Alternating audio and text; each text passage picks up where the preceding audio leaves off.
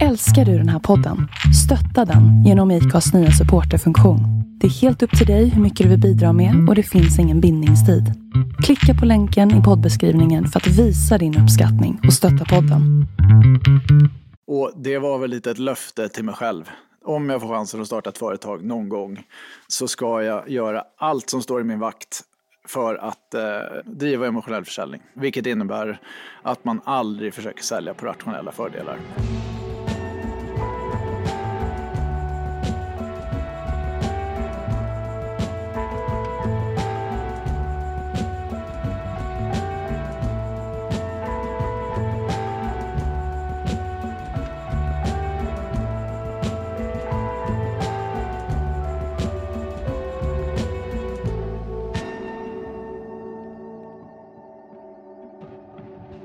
Hej! Du lyssnar på historien bakom historien, en podcast om storytelling. Jag heter Martin Sandin och är till vardags regissör och manusförfattare. Den här intervjuserien handlar om den kreativa processen bakom ett verk, en film, en bok eller ett budskap. Hur berättar vi historier som skapar känsla, som får lyssnare, läsare eller tittare att minnas och vilja berätta för andra om det vi skapat? Och spelar det någon roll om vi skapar för oss själva eller om målet är en kommersiell storsäljare? Vad är det som avgör, varför då och hur går det till? För varje nytt avsnitt lär jag mig nya saker. En ynnest, det hoppas jag att du också ska göra. Dagens gäst då? Jo, han är en idérik entreprenör som haft en krokig men samtidigt också rak resa. Krokig för att den började som tennistränare och länge mest var en dröm. Rak för att det alltid varit tydligt att det en dag skulle landa i den där unika idén. 2017 grundade han micromobility-företaget Vessla som idag värderas till 300 miljoner kronor. Det hela startade med idén och viljan att hinna hem i tid till familjen. Välkommen hit, Rickard Bröms. Stort tack! Hörru du, om vi börjar då med micromobility, vad är det för något? Eh, för att sätta lite kontext så har alla städer ett stort fett problem och det är att fler och fler vill flytta in till dem och att det blir trångt eh, därför. Så att urbanisering är verklighet, trängsel eh, kommer med och eh, miljöproblem eh, också. Och eh, lösningen så som man har gjort det historiskt är liksom att se hur bilar och stora fordon liksom kan hjälpa städerna. Men det leder egentligen bara till ännu större problem. För man bygger större vägar så får man ett ännu större trängselproblem. Och lösningen är så, så mycket enklare. Och det är att använda små fordon. Och den, eh, det löser i princip allting. För att många fler får plats, det är mycket effektivare att åka till jobbet och det löser det här som är den, den, vad ska man säga, grunden till trängsel, nämligen att man, folk från förorten åker in till stan och jobbar. Så att micromobility är egentligen vad ska man säga, marknaden som avser att lösa städernas problem genom att eh, vad ska man säga, definiera om eller ändra beteendet hos människor för korta resor. Alltså åka små fordon. Men det här låter ju lite som en story som du har filat lite grann på. Eller hade du allt det här klart för dig redan från början? Absolut inte. Nej, det är inte jag som har kommit på allting såklart. Det finns många kloka människor som har forskat och liksom eh, läst där. Men sen så, ju mer man tänker på det så är det ju ganska rimligt eh, att liksom om, du, om du sitter ensam i en bil så är jag gissar på att du väger 80 kilo och en bil väger 1,5 ton. Vilket innebär att du är ungefär 5% av totalvikten. Och om du tankar den bilen full med bensin så kommer ungefär 95% av den bensinen flytta fordonet. Och 5% flytta dig. Och den energikalkylen är ganska bedrövlig. Och jämför man det om man sätter en liten elmotor på ett litet fordon där viktförhållandena är eh, liksom bättre, där till och med du kanske är mer, väger mer än fordonet, så blir energikalkylen mycket, mycket bättre. Flera tusen procent bättre till och med. Så att det är rimligt. Mycket rimligt. Det finns ju ett väldigt tydligt berättande i, i din idé. Hur viktigt är ett, ett gott berättande jämfört med att kanske bara sälja en produkt på vad ska, pris, kanske på utseende, kanske bara på att vi är bäst? Jag tror att man kan kolla på alla stora företag och de har en sak gemensamt och det är att de driver emotionell, emotionell försäljning. Alltså att man köper dem fast man vet inte riktigt varför och Apple kanske är det bästa exemplet. Och det var väl lite ett löfte till mig själv om jag får chansen att starta ett företag någon gång så ska jag göra allt som står i min vakt för att eh, driva emotionell försäljning. Vilket innebär att man aldrig försöker sälja på rationella fördelar. För att det är bara en färskvara. Och vid någon tillfälle så kommer det konsolideras och i princip alla på marknaden har tillgång till samma teknik. Och har man då bara pratat rationella fördelar så har man ingenting kvar att säga. Plus att det är liksom som ett litet training camp. Mitt tidigare liv har varit en training camp där jag har sett väldigt många varumärken och jag jobbar som konsult inom det. Så att jag hade väl, jag ska inte säga att jag har facit, men jag hade i alla fall en tydlig bild över hur man kanske inte ska göra. För att de flesta, skulle jag säga, kanske inte vet hur man ska göra. Med, med din erfarenhet och, och, med det du har sett eh, och att pengar ju ändå oftast är en väldigt stark drivkraft. Varför görs inte det jobbet grundligare? Om vi tittar på, vi behöver inte nämna kanske några riktigt några varumärken, men, men man tänker att det finns många stora som inte har gjort det grundläggande arbetet. Varför tror du det är så? Jag tror att de flesta företag drivs av ekonomer eller ingenjörer eh, och de har inte kanske, vad ska man säga, det så nära sig. Och jag tror inte att det är så lätt att artikulera det för att det är så mjukt och så subjektivt. Vilket gör att du måste nog ha lite feeling för det. Och jag tror inte att det är så lätt att ha feeling för om man aldrig har jobbat med det. Och jag tror inte man kan läsa en bok om det. Om vi backar bara lite då, för att varför fastnade du just för den här idén? Den här transformationen kring de korta resorna har precis börjat. Jag tror att ser man österut, till exempel i Shanghai, så har vi facit hur det kommer se ut här. Nämligen att det, det som kommunala färdmedel, public transport, kommer vara ryggraden och sen så åker det runt liksom svärmar av små elfordon som har blivit komplementet. Och bil får man bara köra varannan dag. Och, och så kommer det se ut här, för att det kommer bli för trångt annars. Och, och det här med timing tror jag trumfar skicklighet, intelligens, ambition. Så att ha lyxen och, och vara i en marknad där hela världen hjälper till, eh, det får man inte så ofta. Alltså det finns många idéer som jag haft där man inte har hjälp av omvärlden och då blir det vansinnigt mycket svårare. Är det liksom ett tips, ett råd i, i, i sitt berättande i att ta fram en idé, att faktiskt att se vart man står, vart man sätter ner spaden i att, att faktiskt välja då av de idéerna man har, eller, eller hur, hur tänker du där? Några gånger per generation så sker det stora transformationer. Säg mobiltelefonin eller internet eller, och nu står vi inför ytterligare en, nämligen inom mobility. Och kan man pricka en sån, ja, då ska man nog göra det. Absolut. Fan, jag har ju missat båda ju. ja, men, och det där är ju inte så jävla lätt att tajma det. Det gäller att man är tillräckligt gammal eller tillräckligt ung eller vad på något. Så det är därför personligen för mig så är det väldigt viktigt att jag tar tillvara på den här chansen. Var någonstans kom idén ifrån till liksom att, att då jobba med Mark Mobility och faktiskt jobba med, med det som är idag i Vessla? Sekvens av slump ska jag säga. Men allting började med att jag bara löste mitt eget problem. Och det var att jag liksom fick tuppjuck på att det tog så lång tid att åka till jobbet. Och jag bara, jag köper inte, inte en enda dag till. Och då köpte jag min elmoppe. Och då insåg jag det. Helt plötsligt stod det 14 minuter att åka till jobbet istället för 45. Och jag sparade en hel timme om dagen. En timme som man kunde göra någonting annat med. Värdefulla saker. Och det var väl då jag fattade liksom, hur, det här, hur mycket det här kan påverka livet för folk. Liksom, om fler kan spara en timme om dagen, ja, men det är ju den viktigaste valutan vi har. Det finns ju ingenting som är så värdefullt som tid. Så att det har väl blivit liksom vårt mantra, att försöka spara tid för massor med människor. Och det var väl då jag fattade. Och när man fattar någonting så blir man lite mer och mer intresserad och så då börjar man läsa och ju mer man läser ju mer motiverad blir man att läsa mer. Och sen så till slut så får man liksom hela bilden. Och så kan man extrapolera alla kurvor och så kan man se att potentialen kommande 15 åren är nästan gränslös. Och kan man bara göra något rätt på vägen här, då har man en stor chans att bli stor. Och det är framförallt väldigt, väldigt mycket upp till mig och oss. Sumpar vi det så har vi ingenting att skylla på.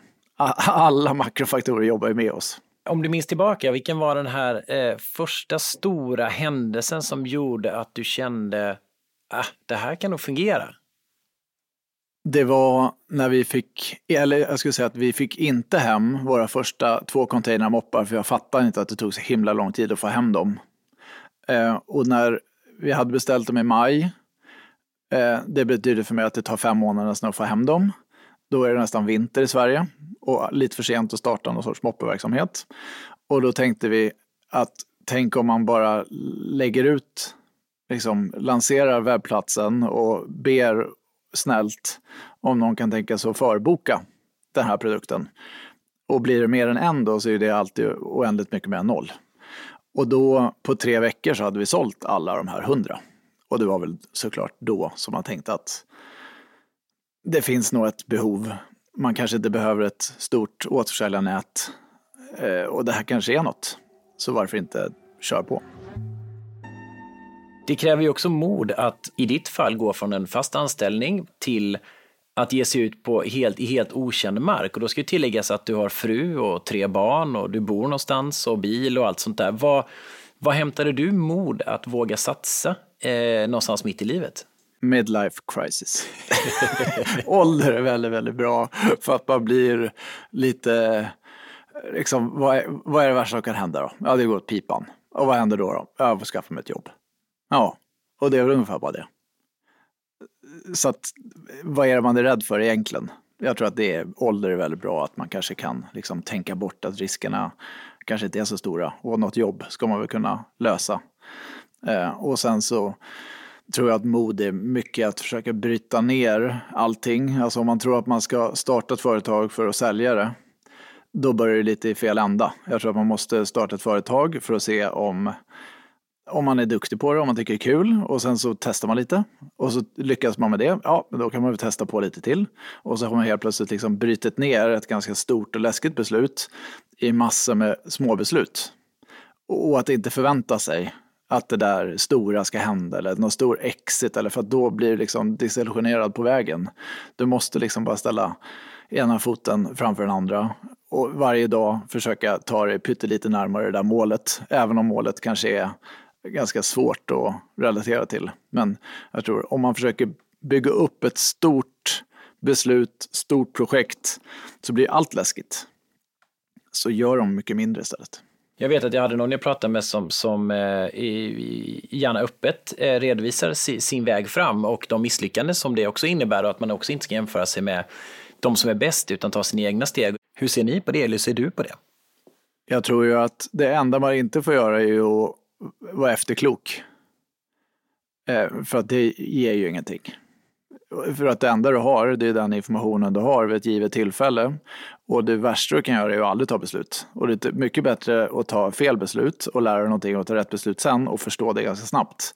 Än att du går och, och värjer dig för att du är rädd att ta fel. Och jag tror att det där är en, kanske en egenskap som de flesta som startar företag eller entreprenörer har. Att man kanske inte vad ska man säga, bygger upp allting så stort. Det är väl bara att köra. Vad är det värsta som kan hända? Då får man väl ändra sig och göra. Alltså det, är ingen som dör, eller barn som dör, eller krig som bryter ut. Det är väl någonting som liksom går snett, men oftast är konsekvensen hanterbar. Så det är samma sak där.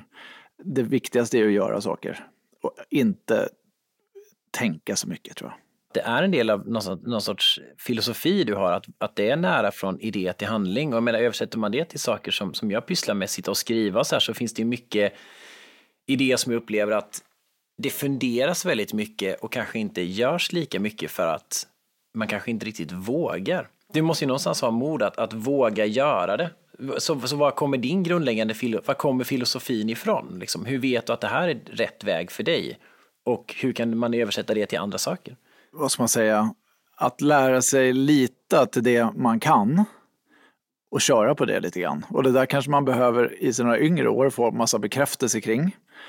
Och det är ju bra med ålder för att då kan man ju bygga upp det och sen ska man känna att fan det där som jag tyckte men som jag inte riktigt vågar stå på mig för att någon annan äldre, kanske teoretiskt mer erfaren, tyckte någonting annat. Men sen så i slutändan så visade det sig att jag hade ju rätt. Och, och det där kände väl jag, att jag kanske i mina yngre år ofta hade rätt. Men jag vågade inte riktigt stå på mig, så att det blev fel. Men om jag hade gjort som jag hade tänkt, då hade det blivit rätt. Vad händer om, om man får bestämma själv och inte ha för mycket folk som kanske förstår sig på eller och det där tror jag erfarenhet är en svår sak. Liksom. Om erfarenhet kan översättas till visdom, ja då är det väldigt, väldigt bra att ha. Men erfarenhet kan ju bli helt irrelevant. Om du har fel erfarenhet jämfört med hur världen ser ut idag så kan det bli värsta feta belastningen när jag har skrivit någonting så skickar jag runt den till några få som får läsa för att jag ska få någon sorts input och ibland är det någon sorts i, i, i, i undercover, jag vill bara få bekräftelse att det inte är skitdåligt eh, grej liksom. Men, men har du någon, vem går du till för att bara så här ändå få någon sorts liten bekräftelse att du är på rätt spår? Jag tror att vi kanske har bekräftelse av olika saker. Om du har liksom på det du skriver så kanske inte jag skriver så mycket. Men däremot så kanske man behöver ta lite sådana vad ska man säga, viktiga beslut som kan få konsekvenser längre fram. Och det är ju bra att kolla av dem. Och då har jag en mix av kloka kompisar eh, med rätt erfarenhet och sen så har vi faktiskt ganska kloka ägare och där har jag lite bestämt att jag ska utnyttja det. Liksom, finns det människor runt omkring mig som potentiellt har gjort det här förut eller kan ha tänkbar input som kan förbättra beslutstagandet, då bör man göra det. Sen så måste man alltid ta beslutet själv och du kan inte fråga runt för mycket. Och framför allt så får du inte fråga dem som har någon sorts Tourettes i att de alltid ska tycka till om saker fast de kanske inte vet. Liksom, killgissa är väl ingen slump att det finns men det är rätt mycket killgissande även på sådana saker för man vill ha en åsikt eller man vill veta det men man kanske inte gör det. Och sen så tror jag att i, i grund och botten så får du liksom ta in all den informationen som du har tillgänglig och sen måste du eh, liksom tolka det och göra ett eget beslut. Och jag tror att Eh, du kan aldrig, alltså i många fall eh, så vet ju kanske inte folk riktigt vad de vill ha för att de vet inte vad de kan välja mellan. Och när det gäller det kunderbjudande så, så är jag rätt bångstyrig på det. Alltså jag tror att man ska fråga kunderna vad de vill ha. Men i vissa fall när det gäller att kanske presentera någonting nytt som marknaden inte har sett, då tror jag att det är helt fel väg att gå och fråga vad kunderna vill ha, för de vet inte. Nej, och då är det där någonstans som historieberättandet kommer in, det som också kallas för, för storytelling. Och vad, vad anser du vara en bra historia eh, i kontexten varumärke? Jag tror att all bra storytelling är formatanpassad. Vilket innebär att om du har en pytteliten annons i mobilen så kommer du ha väldigt svårt att få någon sorts episkt genomslag. Har du biosalongen så kommer du ha mycket större chans att få ett episkt genomslag. Och man får också inte ledas av sin egen fåfänga, för att människor är mycket, inte enklare, utan de är, det, det finns så mycket så att de, de lägger inte märke till en på samma sätt. Och jag tror att i vårt fall så använder vi nästan bara internet. Och internet är nästan bara i mobilen numera, vilket innebär att du har en bild, du har lite text, ibland har du en video utan ljud. Och då måste du göra det som du kan göra med den plattformen. Så att om vi skulle ha en väldigt, väldigt komplex historia att berätta så skulle vi förmodligen aldrig lyckas. Vilket innebär att vi måste vara mycket, mycket enklare. Och jag, min teori, liksom, min tes är ju att du har visuellt uttryck och du har orden. Och det, that's it. Sen kan du ha vilken brand story eller i bakgrunden som helst, men du kom, det kommer vara väldigt, väldigt svårt att få fram de orden. Du måste liksom kunna symbolisera det genom de här korta, enkla formaten. Och jag tror det hänger också ihop då med produktutveckling. Är det liksom för bökigt att förklara vad du gör så kommer färre kunder förstå det och färre att köpa. Du och jag har ju eh, kamperat ihop eh, under rätt många år nu, spelat en hel del golf vilket känns väldigt medelålders och, och, och outa här, men, men så är det ju. Och det tycker vi är ju skoj. Och då blir innebär att vi åker mycket fram och tillbaks. Och då har vi diskuterat varumärken som till exempel Tesla jämfört med många andra varumärken, hur, hur de gör saker på ett så oerhört enkelt sätt som, eh, som man bara känner att varför gör ingen annan det här i, i jämförelse med andra varumärken?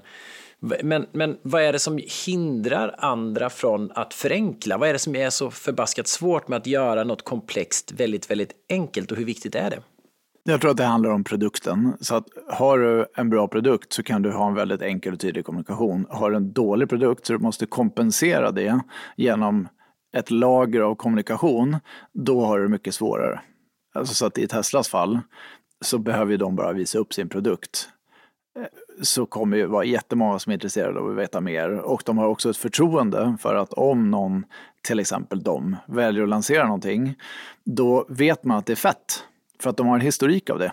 Alltså skulle man vara väldigt inkonsekvent, att man ibland lanserar någonting jättedåligt och ibland lanserar någonting jättebra, då har man ju mycket lägre förtroende. Så då vet man inte riktigt när det kommer en lansering, är det där en svinfet grej eller är det en, en banal sak? Typ, och Apple är likadant. Det är ingen som behöver fråga om gigahertz och megahertz och grejer för att man har ju det förtroende att, att om Apple lanserar någonting så är det förmodligen det bästa som förutsättningarna ger.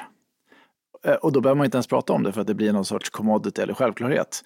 Och det är en väldigt, väldigt fin position att ha när man har det förtroendet. Och bra liknelse är också då Teslas konkurrenter, alla andra bilmärken, som ofta har bilkonfiguratorer. Alltså att du måste sätta ihop din egen bil, du får välja vilken färg, vilken växelspak, vilken bla bla bla bla bla.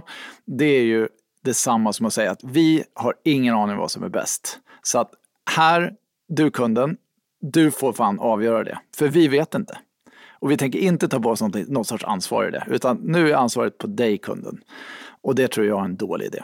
Jag tror att det är mycket bättre att bygga upp ett förtroende som signalerar att vi har redan valt bort allt det dåliga och allt det vi presenterar. Det är genomtänkt och det är det bästa eh, som du behöver. Så att du behöver inte ifrågasätta, tänka någonting, utan här kommer ett serverat produkt. Och har du det, då blir kommunikationen väldigt enkel. För då behöver du bara berätta det. Mm. Och det är ju när du säger det så låter det ju så himla enkelt. Men när man sitter där själv så kanske det är lite mer komplicerat kanske. Ja, och det hänger ihop med våra bakgrund. Vi, som marknadskonsult så kanske man lever lite på att, att, att liksom lägga till det där kompensationslagret där man vill i sin egen ambition kanske göra någonting lite mer komplext än vad det behöver vara. Och man kanske inte behöver ta ansvar på samma sätt för resultat eller försäljning eller sådär. Så att jag tror att det är mycket en, en produkt skapad av ett helt linje med konsulter. Att man ska liksom göra någonting, eh, vad ska man säga, någonting större än vad det egentligen behöver vara. Och då är ju grunden produkten. Alltså har du tvättmedel, ja det är klart att det är betydligt mycket svårare att identifiera produktfördelar. Har du världens bästa elbil, ja det är klart att det är mycket enklare. Det är klart. Men, men om vi, apropå el då, om vi gräver oss tillbaka in i, eh, i, i, i starten och i det som är eran, eran kärna då att spara tid, att hinna hem i tid.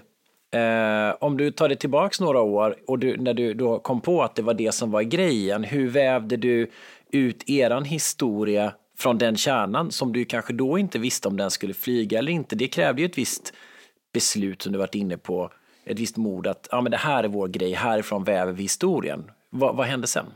Och där handlar det, tror jag, också om att man, när man tänker på någonting och jobbar med någonting åtta timmar om dagen, då är det mycket saker som blir självklarheter. Och då samtidigt så glömmer man bort att om det är någon som bara får en liten ögonblicksbild av vad vi håller på med och kanske ser oss under 5, 6, 10 sekunder, då har inte de jobbat med det här i åtta timmar om dagen i flera år.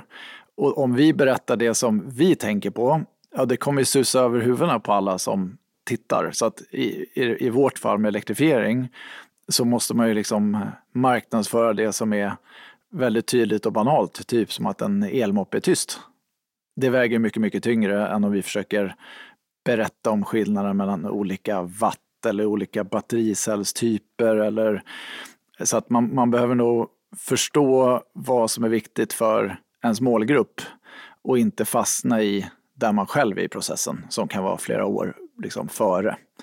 Eh, så att vi har nog hela tiden försökt vara väldigt, väldigt enkla och oknöliga och försökt framhäva produkten och inte försöka lägga på så mycket lager. Apple lanserade ehm, eh, heter det, iPod, att den lanserades som tusen låtar i din ficka. Vilket ju är helt briljant eh, och väldigt, väldigt enkelt, men processen att ta sig dit antar jag var väldigt, väldigt komplicerad. Hur, hur ser processen ut? För att när du säger liksom att en, en elprodukt är tyst, det känns ju väldigt självklart när du säger det, men om man sitter kanske med post-it-lappar och blueprints och tusen olika idéer och massa folk som kommer och pratar och vi måste trycka på det här och vi måste prata om det här. Och, där, och därför på andra sidan finns ju, um, finns ju mottagaren. Hur, hur, får man helt enkelt sitt budskap att nå ut och nå igenom bruset och faktiskt landa hos den som ska ta emot det? Och jag tror och vara konsekvent. I det gamla livet så pratade vi mycket om att det fanns någon sorts optimal frekvens och man skulle aldrig visa mer än fem annonser för varje person och sen så gick interaktionsgraden ner och hit och dit. Och nu så tror jag inte alls på det. Utan jag tror att man behöver tjata ihjäl folk. Och man måste göra det om och om igen med samma, samma budskap, med samma, samma enkla. Och man måste liksom ha någon sorts ID eller ett bildspråk som kanske inte behöver vara helt konsekvent, men känslan i det måste vara ungefär densamma. Så att man får ett ID, så att det finns någonting som folk kan minnas. Alltså om du försöker vara dig själv, men du byter peruk varenda dag och har mustasch och skägg och allt möjligt, ja då är det ingen som känner igen dig. Liksom. Det finns ingenting att haka upp det på.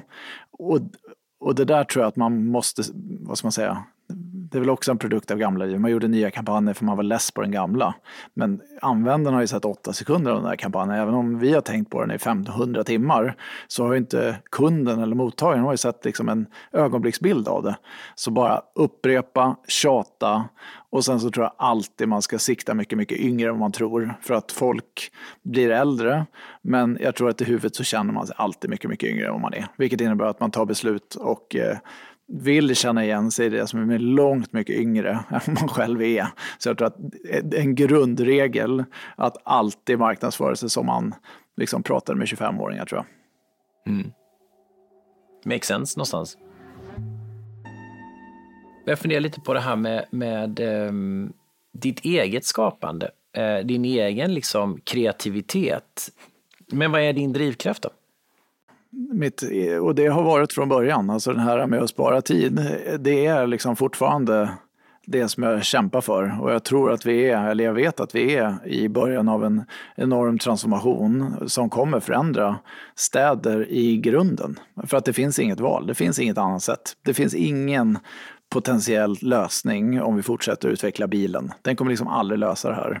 Medan små fordon och korta resor kan definitivt göra det. Och kan man får vara en liten, liten del eller till och med en signifikant del av den förändringen, då är det viktigt. Det kan aldrig vara att tjäna pengar, för att det är mycket, mycket enklare att utbilda sig och börja jobba på bank om man vill tjäna pengar. Entreprenörskap måste liksom vara, det måste finnas ett högre mening och liksom att man gillar att lösa både tråkiga och roliga problem, för sånt är livet och det finns inga genvägar. Jobbet måste göras, ena foten framför den andra. Men varför är det viktigt för dig då, att, att ha det här, att göra det som du precis beskrev? Ja, men för att man inte bara vill vara en del av, eh, inte förändringen. Alltså man vill ju vara en del av förändringen, inte vara en passiv åskådare när någonting förändras och säga att gud, det där tyckte jag, men jag sket i att göra någonting. Ja, vad var det jag sa? Jag visste att det där var en bra idé och jag har ju själv gjort det. Det är klart att sälja färgglada strumpor på internet, det var en jävligt bra idé. Och Happy Socks gjorde det och jag gjorde det inte. Men det, det är helt värdelöst ju, att sitta där och tycka saker utan att göra något. Så att eh, jag tror att det är det. Mitt mål är att göra långfilm. Eh, och det är väldigt svårt. Eh, men jag såg, någon, såg något klipp med, med, om det var Gene Hackman tror jag, som, som gick igång och sa you can och han var väldigt så här, inspirerande och, och var, man ska tro på sig själv och sådär. Anthony Hopkins. Ja, visst var det det? Har du också sett det? Mm. Var hittar man den kraften? Alltså för när du pratar om det nu så känns det självklart och vi, vi är liksom födda 79 så vi är någon sorts mitt i livet, man har lärt sig mycket och jada jada jada. Men någonstans måste ju kraften ha kommit från, någonstans måste det finnas en vilja att verkligen våga satsa. Vi har varit in lite på det, men, men, men vad är det som gör att man, att man tar klivet, att sånt blir så viktigt att det faktiskt blir en del av ens identitet? Man måste bryta ner det. Så att du kan inte göra en långfilm från att fundera på att göra en långfilm till att helt plötsligt göra en långfilm. Det är ingen som någonsin har gjort förmodligen, utan man har gjort någon sorts resa. Och det finns säkert en, en standardresa där man som du gör lite kortfilmer kanske. Man eh, lär känna rätt personer och då det är, som, det är som dataspel. Man måste liksom först göra level 1, klara bossen och då kommer man in till level 2, klara den bossen och sen är man inne på level 3. Och så tror jag livet är. Det går inte att bara hoppa liksom från start och direkt köra slutbossen. Du måste liksom gå igenom alla levlarna. Och jag tror att man, man måste identifiera sina levlar.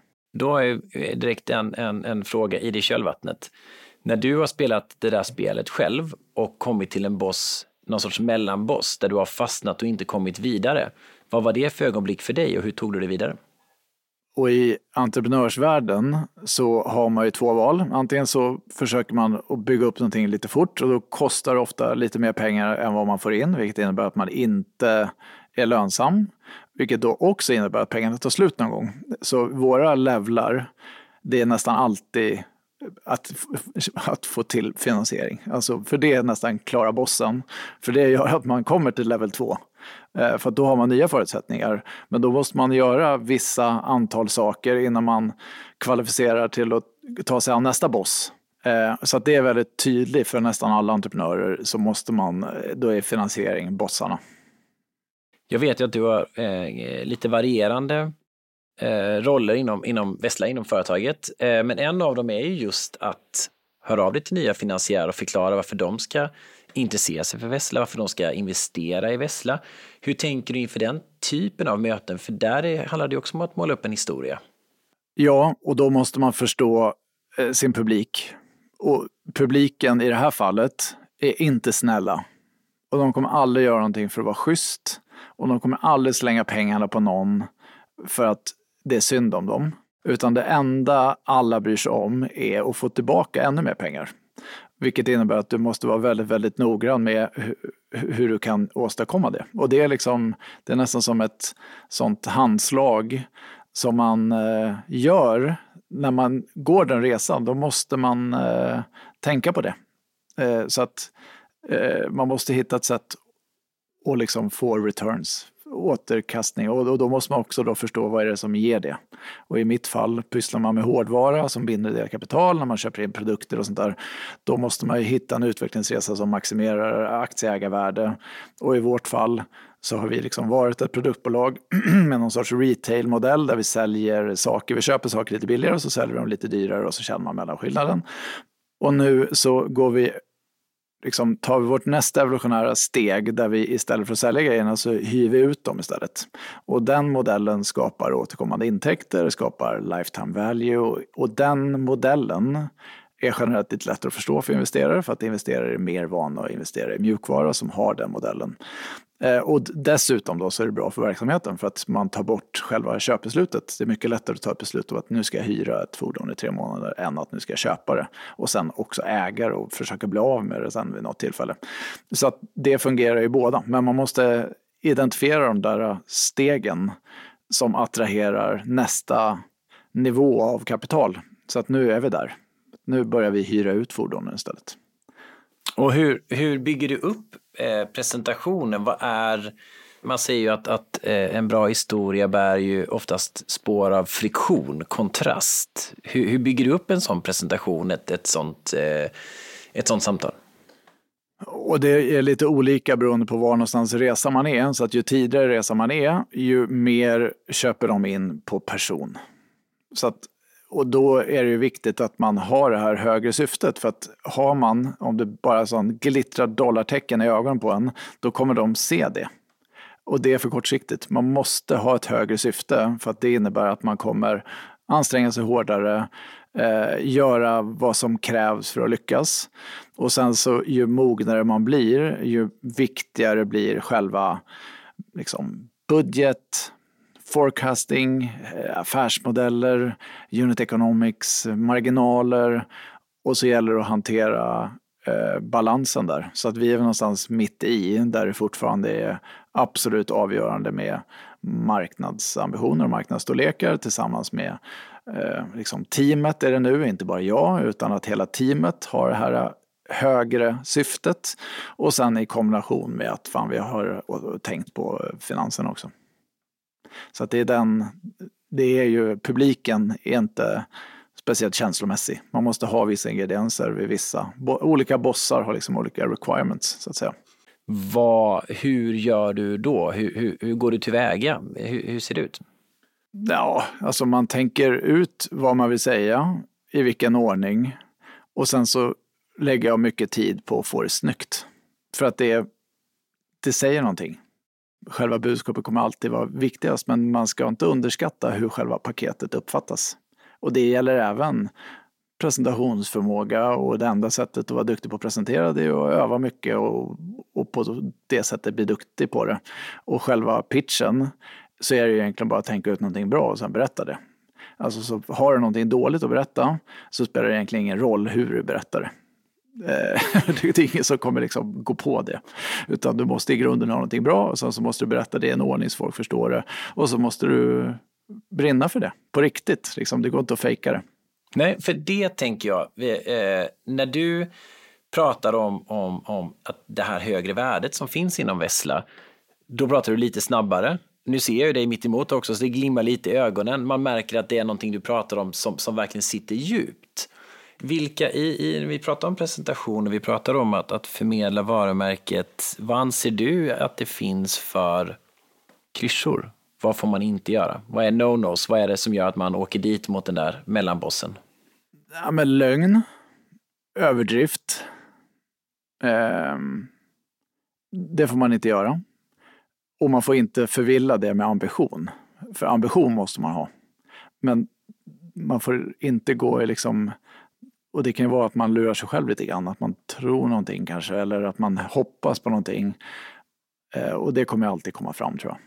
Jag tror man måste vara ärlig och så måste man påvisa ambition. Och det kan man göra på olika sätt. Liksom säga att vi kommer sälja för 100 000 miljarder om ett år, ja då blir det liksom inte riktigt trovärdigt. Men att ha ambitionen att sälja för 100 000 miljarder någon gång i framtiden, ja men det tyder ju på att de vill något. Säger man att ja, men jag siktar på att bli liksom mellanstor i Stockholm, ja, det är ingen som är intresserad av att investera i det. Man måste ha ambitioner, annars så blir det inga returns. Eh, så att man måste lite förstå balansen och sen får man eh, liksom försöka att inte gå i, i flosklerna och säga att liksom, det finns ju massor med ord som man inte behöver använda. Man kan ju förklara dem på andra sätt. Om jag som, som, som entreprenör eller som företagare står där och inte riktigt vet vad mitt varför är eller vet hur jag ska komma fram till det, vad gör de då? Vad är dina tips då med din erfarenhet? Det är en väldigt svår fråga. Jag tror att ju större man blir så kanske man behöver komma på den med jämna mellanrum för att man har genomgått sin evolution. Men jag tror i tidiga skeden, har du inte det i liksom hjärtat så tror jag att du minskar dina chanser att lyckas. Det låter ju också som, um, alltså om vi pratar högre syfte också i ens privatliv som, som en, en sorts del av en, av en holistisk lösning. Att om du gör någonting som du brinner för så får du energi och att det också blir något positivt. Och om du gör någonting som du inte brinner för, där du krävs på resultat, så kanske du får att det blir negativt istället. Jag tänker också i, liksom i en kontext av ett ganska så stressigt klimat som finns i samhället. Ja, eller att man inte bryr sig om konsekvenserna för att det spelar ingen roll. För att jag bryr, det rör mig inte. Då är det klart att man inte tar det beslutet lika allvarligt eller de konsekvenserna lika allvarligt. Eh, ja, och i privatlivet så är en familj ganska bra att ha, för det blir ju ganska lätt det högre syftet med livet, tycker jag. Var, var någonstans kommer du på dina smarta saker? Vi, eh, sitter du framför datorn, ute och springer eller liksom, var samlar du din inspiration? Var kommer du på det som blir embryon till någonting som du sen tar ut? Jag tror att det är nog också samma för entreprenörer, att det liksom aldrig riktigt stänger av, även om man verkligen lär sig hantera det. Och jag har inte, jag, ibland så tror jag att min familj tycker att jag är liksom någon annanstans, men det, jag tror också ganska ofta så är jag närvarande. Och sen så finns det vissa luckor i livet där man har lite tid när man går och lägger sig eller när man åker bil, ofta faktiskt, en bra ställe. Och då menar jag att man åker långa resor, jag åker aldrig bil för korta resor såklart, men ibland så är tak och sätesvärme väldigt, väldigt praktiskt om man ska åka till vet, flera mil eller flera tiotals mil. Um, så att det är väl de där luckorna som man lär sig hitta och det är ofta då, skulle jag säga. Väldigt, väldigt sällan sitta vid datorn och jobb, jobba fram någonting smart. Och sen så möten. Och liksom, jag tror att det ena ger det andra lite grann. Man träffar någon, pratar lite och så kommer man på någonting och så bygger det upp det lite grann och sen så kanske man tänker lite och så pratar man med någon annan och då formas det om och så blir det liksom kanske inte att man bara kommer på någonting från ett tillfälle utan allt är någon sorts bygge liksom. Så tror jag att mycket är. Vad gör du när du kör fast då? Alltså jag vet inte. Jag tror att det är ju också väldigt stor skillnad om man är konsult som jag varit i mitt tidigare liv, då finns det ju en, en tydlig leverans med en tydlig deadline. När man driver företag så finns det inte det på samma sätt. Utan då gäller det ju först och främst någon sorts överlevnad och då måste man liksom hantera det. Och sen så är det utveckling och då behöver man hantera det. Men det är ju inte samma leverans, eh, alltså nu ska vi göra en leverans till på onsdag. Så funkar det inte riktigt. Vilket också innebär att man kanske inte kör fast per se på samma sätt som man kunde göra när man hade en hård, liksom hård deadline och hjärnan slutade funka. Så är det inte riktigt skulle jag säga. Hur sätter man begränsningar då? Hur sätter man ett tak för sig själv som, som entreprenör, som, som en sorts fritänkare? Det är väl det vanligaste tipset man får av de som är erfarna, är väl snarare att den stora utmaningen är att ta bort snarare än att lägga till. Och som entreprenör så tror jag att man har väldigt, väldigt lätt att lägga till för att man är väldigt, väldigt otålig. Och man vill se kanske resultat fort, vilket innebär att nej, vi gör det där istället och så ändrar man sig så blir man väldigt hattig, vilket har sina nackdelar, verkligen nackdelar. Eh, så att det jobbar jag väl väldigt mycket med, att liksom vara konsekvent, tro på någonting över tid, välja bort saker och gå för det. Vad, vad, kommer vi se inom micromobility här eh, kommande år? Om vi säger kommande år, kommande fem år. Vad är nästa utveckling både i Sverige och man tittar också globalt? Allt möjligt. Så det kommer inte vara antingen eller. Det kommer finnas delade system som är en supertjänst för ad hoc-resor och de kommer utveckla sig. Det kommer finnas olika fordonstyper så att det kommer inte bara finnas cyklar, moppar, motorcyklar. Det kommer finnas liksom olika typer av fordon däremellan, alltså olika formfaktorer. Och det kommer finnas olika affärsmodeller där vissa kommer gilla att casha sin affär och sen köpa en begagnad eller sälja en begagnad. Det kommer finnas prenumerationsmodeller, det kommer finnas distribuerade uthyrningssystem. Det kommer finnas allt möjligt. Så jag tror, och jag tror att det finns rum för precis allt möjligt. Och sen så kommer det finnas vissa aktörer som kommer vara dominerande inom varje disciplin. Men det är inte så att eh, Voi kommer vinna allt. Det kommer inte vara så, utan det kommer finnas massor med företag som kan eh, försörja sig i den, här, i den här marknaden. Vad händer med bilen då? Bilen i, i storstäderna, vad, är, den ett, eh, är den på utdöende så att säga, eller hur, hur ser den framtiden ut? Definitivt. Tror jag tror inte att bilar kommer att vara tillåtna i städer eh, fram, i framtiden. Och det är, eh, liksom, vi har ju såklart vant oss med att se dem som står på alla gator och torg. Men den står ju still liksom, nästan hela tiden, 98 procent av tiden. Och varför ska den ta upp plats i stan då? Om det är trångt som det är, varför ska vi ha bilar som rör sig väldigt långsamt eller står still? Det är extremt svårt för mig att förstå. Och jag tror att det kommer vara nästa stora uppvaknande kommer vara parkering. Idag så är vi lugna med att det står liksom bilar överallt och sen så tycker vi att det är superjobbigt när det ligger en sparkcykel på trottoaren och det är för att vi inte har sett den tidigare. Men lite till vänster eller lite till höger så står det en lång rad med bilar som jävligt mycket är i vägen för stan.